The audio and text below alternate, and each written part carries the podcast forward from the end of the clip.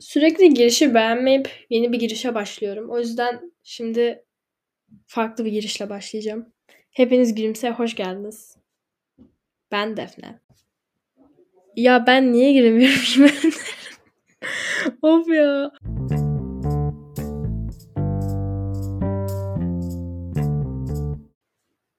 Merhabalar herkese. Hepiniz Gülümse'ye hoş geldiniz. Ben Defne. Yine bir gece bilgisayarımın karşısına oturdum ve sizinle psikoloji konuşmak için buradayım. Çünkü neden konuşmayalım? Ben psikoloji konuşmayı çok severim. Süper giriş. Bugün ne üstte konuşuyoruz? Bugünkü konumuz zeka. Seçebileceğim en genel konuyu seçtim herhalde. yani bugün biraz şunun üzerine konuşacağız. Mesela bir insana çok zekisin dediğinizde ne demek istiyorsunuz? Veya psikoloji tarihinde zeka kavramı her zaman çok tartışmalı bir konsept olmuş. Yani psikologlar yıllardır zekanın ne olduğunu, zekanın neleri kapsadığını, neleri kapsamadığını ve sayısal bir ölçümünün mümkün olup olmadığına dair tartışıyorlar ve bu devam ediyor. Yani şu anda 2022'de psikolojide şu zeka şudur diye üstüne ulaşılmış bir tanım yok. Fakat zekayı sözlük tanımıyla tanımlayarak başlıyorum bu bölüme. Zeka dediğimiz şey sözlük tanımı olarak zihnin öğrenme, öğrenilenden yararlanabilme, yeni durumlara uyabilme ve yeni çözüm yolları getirebilme becerisi olarak tanımlanıyor. Çok genel bir tanım ee, ve yani içinde belli şeyleri barındırıyor. Kabul edilebilir. Dediğim gibi zeka kavramı çok tartışılıyor. Hala tartışılıyor. Yani ne olduğuna dair milyon tane psikoloğun milyon tane görüşü var. Şimdi size bunlardan iki adet örnek vereceğim. Mesela Robert Sternberg diye bir adam var. Kendisinin ismini geçiriyor olacağız bölümlerden kısımlarında. Çünkü şu anda günümüzde hani bir bakıma kabul gören bir zeka kuramının kurucusu bu adam. Bu adam zekayı şöyle tanımlıyor. Kişinin yaşamı ile ilgili gerçek dünya ortamlarının bilinçli olarak uyarlanması, seçilmesi ve şekillendirilmesi yönelik zihinsel etkinlik. Uzun bir cümle. Uğraşmış üzerine. Helal olsun. İkincisi de mesela Alfred Binet, Binet. Şimdi bu adamın soyadı nasıl okunuyor hiçbir fikrim yok bu arada. Kendisine o yüzden Alfred diyeceğim. Alfred'cim de ilk IQ testini geliştiren psikologtur bu arada. O yüzden kendisinden böyle hani kankam gibi bahsediyorum ama bayağı önemli bir adam yani. O da zekayı şöyle tanımlıyor. İyi düşünme, iyi anlama, iyi akıl yürütme yeteneği. Dümdüz çok kısa bir tanım. Bence gayet güzel. Yani gayet Defne Cüngür onayladığına göre bence psikolojide geçerli olabilir. Zeka üstüne böyle bir sürü bir sürü bir sürü tanım var. Herkes farklı bir şekilde tanımlıyor. Ve hani bir tanesi hiç çıkıp demiyor işte şu tanımı kabul edelim demiyor. Herkesin farklı bir tanımı var. O yüzden artık millet artık zekayı tanımlamaya çalışmak yerine onu anlamlandırabilmek için ortaya kuramlar atmaya başlıyor. Bugünkü bölümümüzün konusu da psikolojideki zeka kuramları olacak. Şimdi ilk kuramla başlayalım. Bu kuramın adı genel zeka kuramı diye geçiyor. Bu kuramı ortaya atan adam psikolog Charles Spearman diye bir adam. Spearman. Evet doğru okudum. Şimdi bu adam bu kuram sayesinde ortaya genel zeka veya G faktörü olarak tanımladığı bir kavram çıkarıyor ve bu kavram literatüre ekleniyor. Şimdi bu adamın yaptığı asıl şey, bu adamın olayı şu. Adam faktör analizi dediği bir yöntemle insanlara belli testler uyguluyor ve bu testlerde hani atıyorum 3 tane test düşünün. Bu testlerin birinde iyi olan insanlar diğer ikisinde de iyi notlar alıyor. Ama eğer bir testte kötüyse bir insan diğer testlerde de kötü oluyor. Adamın gözlemi bu. Adamın yaptığı işte ne kurduysa artık o şekilde bunu gözlemliyor ve bu gözlemine dayanarak şöyle bir claim ortaya atıyor. Adam diyor ki zihinsel becerilerimizi etkileyen genel bir zekamız var. Yani zeka dediğimiz şey spesifik bölümlere mi diyeyim? Spesifik yeteneklere ayrılmıyor diyor. Zeka dediğin şey diyor geneldir. Ve bu genel zeka diyor belli yeterlilik testleri yapılarak sayısal bir değerle ölçülebilir yani. Zekanızı sayısal değerlerle belirleyebilirsiniz diyor. Şimdi adam hani belli bir kavramı literatüre geçirmiş de olsa genel zeka kuramı şu an psikolojide kabul gören bir kuram değil. Çünkü yani artık bunun üzerine bir sürü bir sürü araştırma ve farklı kuramlar var. Şimdi zaten onları da anlatıyor olacağım. Şu anda kabul görmeyen bir kuramdır ama ilklerinden de bir tanesidir. Bahsedeceğimiz 2. kuram 1. zihinsel yetenekler kuramı diye geçiyor. Bu kuramın bulucusu bulucusu mu deniyor? Evet, bulucusu veya kurucu da olur. Ben ama bence bulucu daha doğru. Bu kur bu kuramın bulucusu Louis Thurston diye bir adam. Şimdi bu adam zekanın genel bir şey olduğuna inanmıyor ve şunu öneriyor. Adam diyor ki zekamızı belirleyen 7 adet birinci zihinsel yetenek vardır diyor. Yani 7'ye ayırıyor aslında.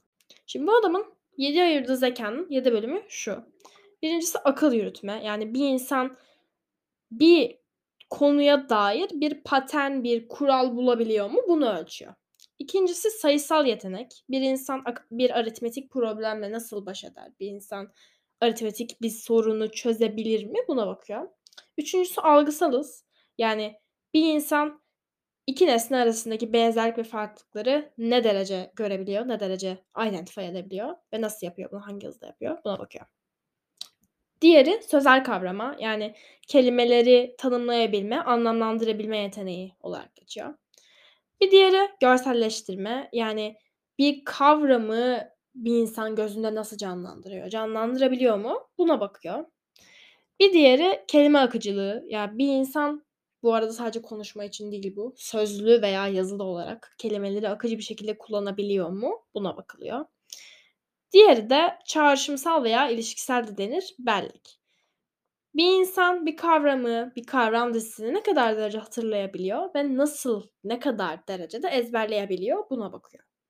Şimdi çok şey saydım, hızlı saydım farkındayım ama kuramlar bu şekilde yani insanlar madde madde ayırmışlar. O yüzden mecburi olarak böyle sayıyoruz.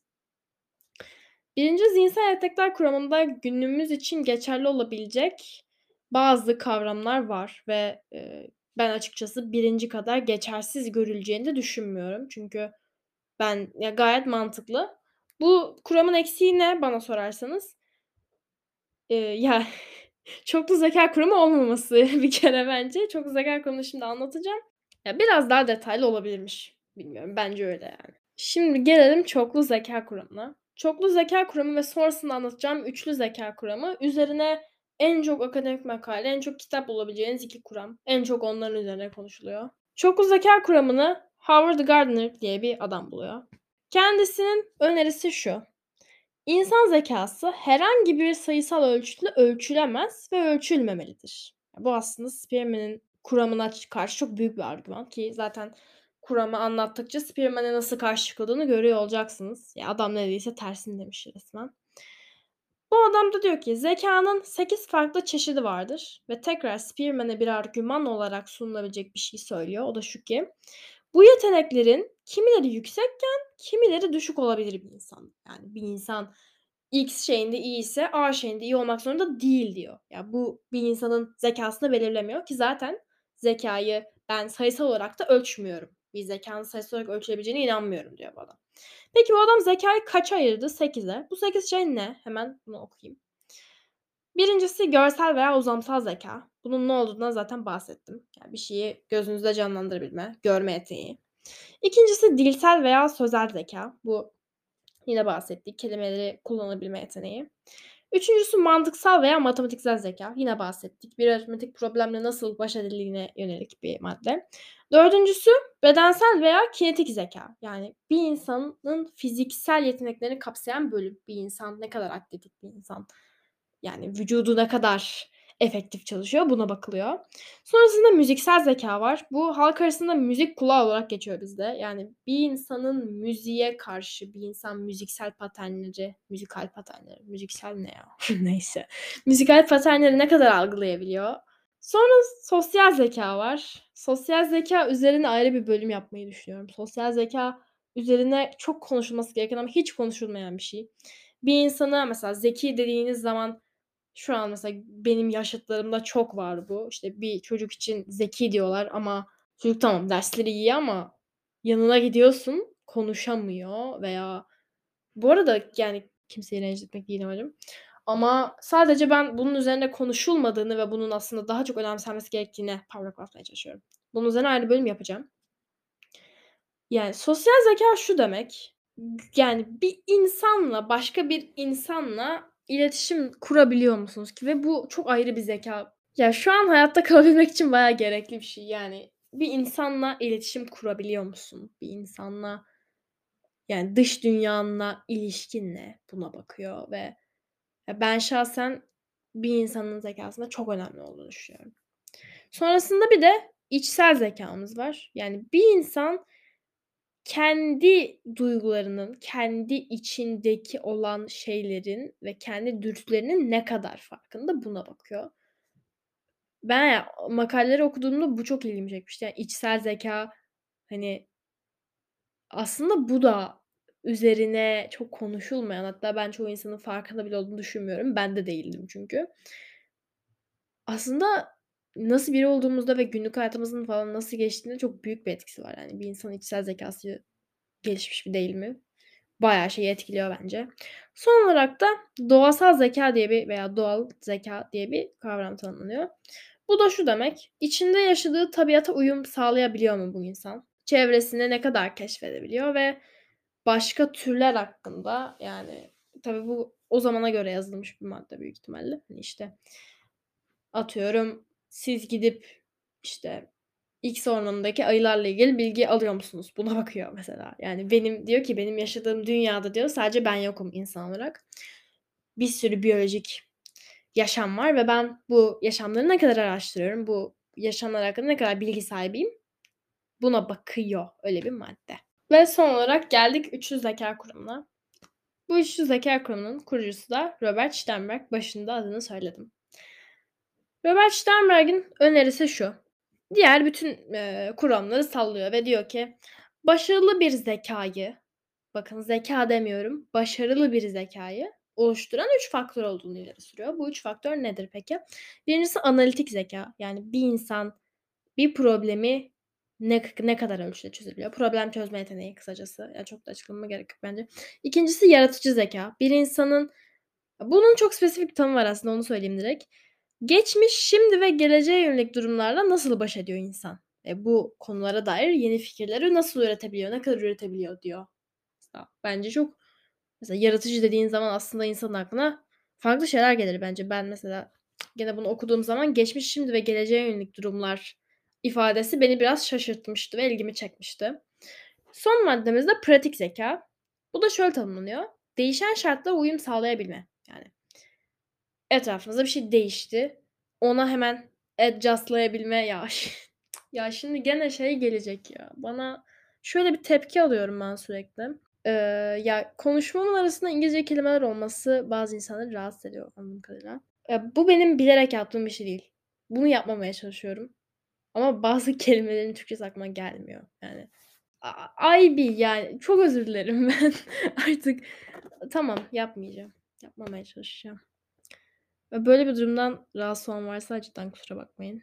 Elimde olan bir şey değil. Okul gereği yani o kadar alıştım ki artık yerleşti dilime. O yüzden yani. Neyse. Çok konudan sap. Şimdi bu dört kuram bu şekildeydi. Ya zekaya dair dediğim gibi bir sürü bir sürü kuram, bir sürü bir sürü düşünce, bir sürü bir sürü araştırma, çalışma var. Bu kuramların hepsi bize gösteriyor ki aslında zeka çok köklü bir kavram yani ve kapsamlı bir şey. Yani gerçekten kapsamlı bir şey. Zeka dediğiniz zaman içinden çıkarabilecek milyon tane anlam var. Yani zeka zeka ne, nedir ki yani üzerine konuşulması gerekiyor. Çünkü tek başına çok bir anlam ifade etmiyor. Açılması gerekiyor, dinlenilmesi gerekiyor. Şimdi bölümü kapatmadan size şunu soracağım. Sizce bu kuramlardan hangisi en doğrusu? Bunu çok merak ediyorum ve bunu öylesine sormuyorum. Ben ya bölümü bitiren herkesten eğer bir fikirleri varsa bana Instagram hesabı Gülümse Podcast'ten ulaşmalarını istiyorum. Hangi kuram daha doğru? Bunu nasıl bir şey düşünüyorlar? Bunu duymak adına. Ya çok ciddiyim. Ben çok merak ediyorum insanın ne düşündüğünü. Mesela bu sorusuna kendim düşündüğümde şu an bir cevap bulamadım. Mesela ben hani hangi kuram en doğrusu gibi veya hani en uygunu gibisinden. Ama şöyle derdim. Ya genel zeka kuramına kesinlikle katılmıyorum öncelikle. Ben yani zekanın genel bir şey olduğuna inanmıyorum. Sonrasında çoklu zeka kuramı, üçlü zeka kuramı ve birinci zihinsel yetenekler kuramları birleştirilebilir bir noktada ve e, böyle birleştirilip hani hepsi beraber toparlanıp bir kuram oluşturulabilir diye düşünüyorum. Oluşturur kim oluşturur bilmiyorum. Belki de ben oluştururum. PhD'mi yapayım, sonra düşünürüz. Bunu gerçekten bir düşüncesi olan varsa lütfen bana ulaşsın. Ya, ben bunun üzerine konuşmak istiyorum ki yani dinleyicilerimin bazıları bana yazıyorlar ve ses kaydı da atıyor. Geçen bir dinleyicim ses kaydı atmış, "Uyurken seni dinliyorum." diye. Oradan bu ona tekrar teşekkür ediyorum bu arada dinliyorsa. Yani dinleyicilerimle iletişim hâlindeyim sürekli. O yüzden düşündüğünüz geri bildirim olur, bir bölüm hakkında olur, her şeyi bana yazabilirsiniz. Konuşuruz yani. Son olarak bütün bu kuramları, kavramları vs. vs. vs. hepsini bize bırakmış olan psikologlara, psikiyatristlere hepsine çok teşekkür ediyoruz. Onlar olmasaydı şu anda ben bu konuşmaları yapıyor olamazdım. Bu bölüm bu şekilde kapanıyor olacak. Dinlediğiniz için hepinize çok teşekkür ederim. Hepinizin bir zekası var. Öyle veya böyle. Hangi zekanızın ne türe baskın olur size kalmış ama şunu unutmayın ki hepiniz çok zekisiniz ve zekanızın bir değeri var. Zekanızın farkında olun ve o zekayı kullanın. Çok böyle şey oldu. Kafanı kullan falan dermiş gibi oldu ama öyle bir şey demeye çalışmıyorum. yani çok samimi bir şeydi. Hepinizi çok seviyorum.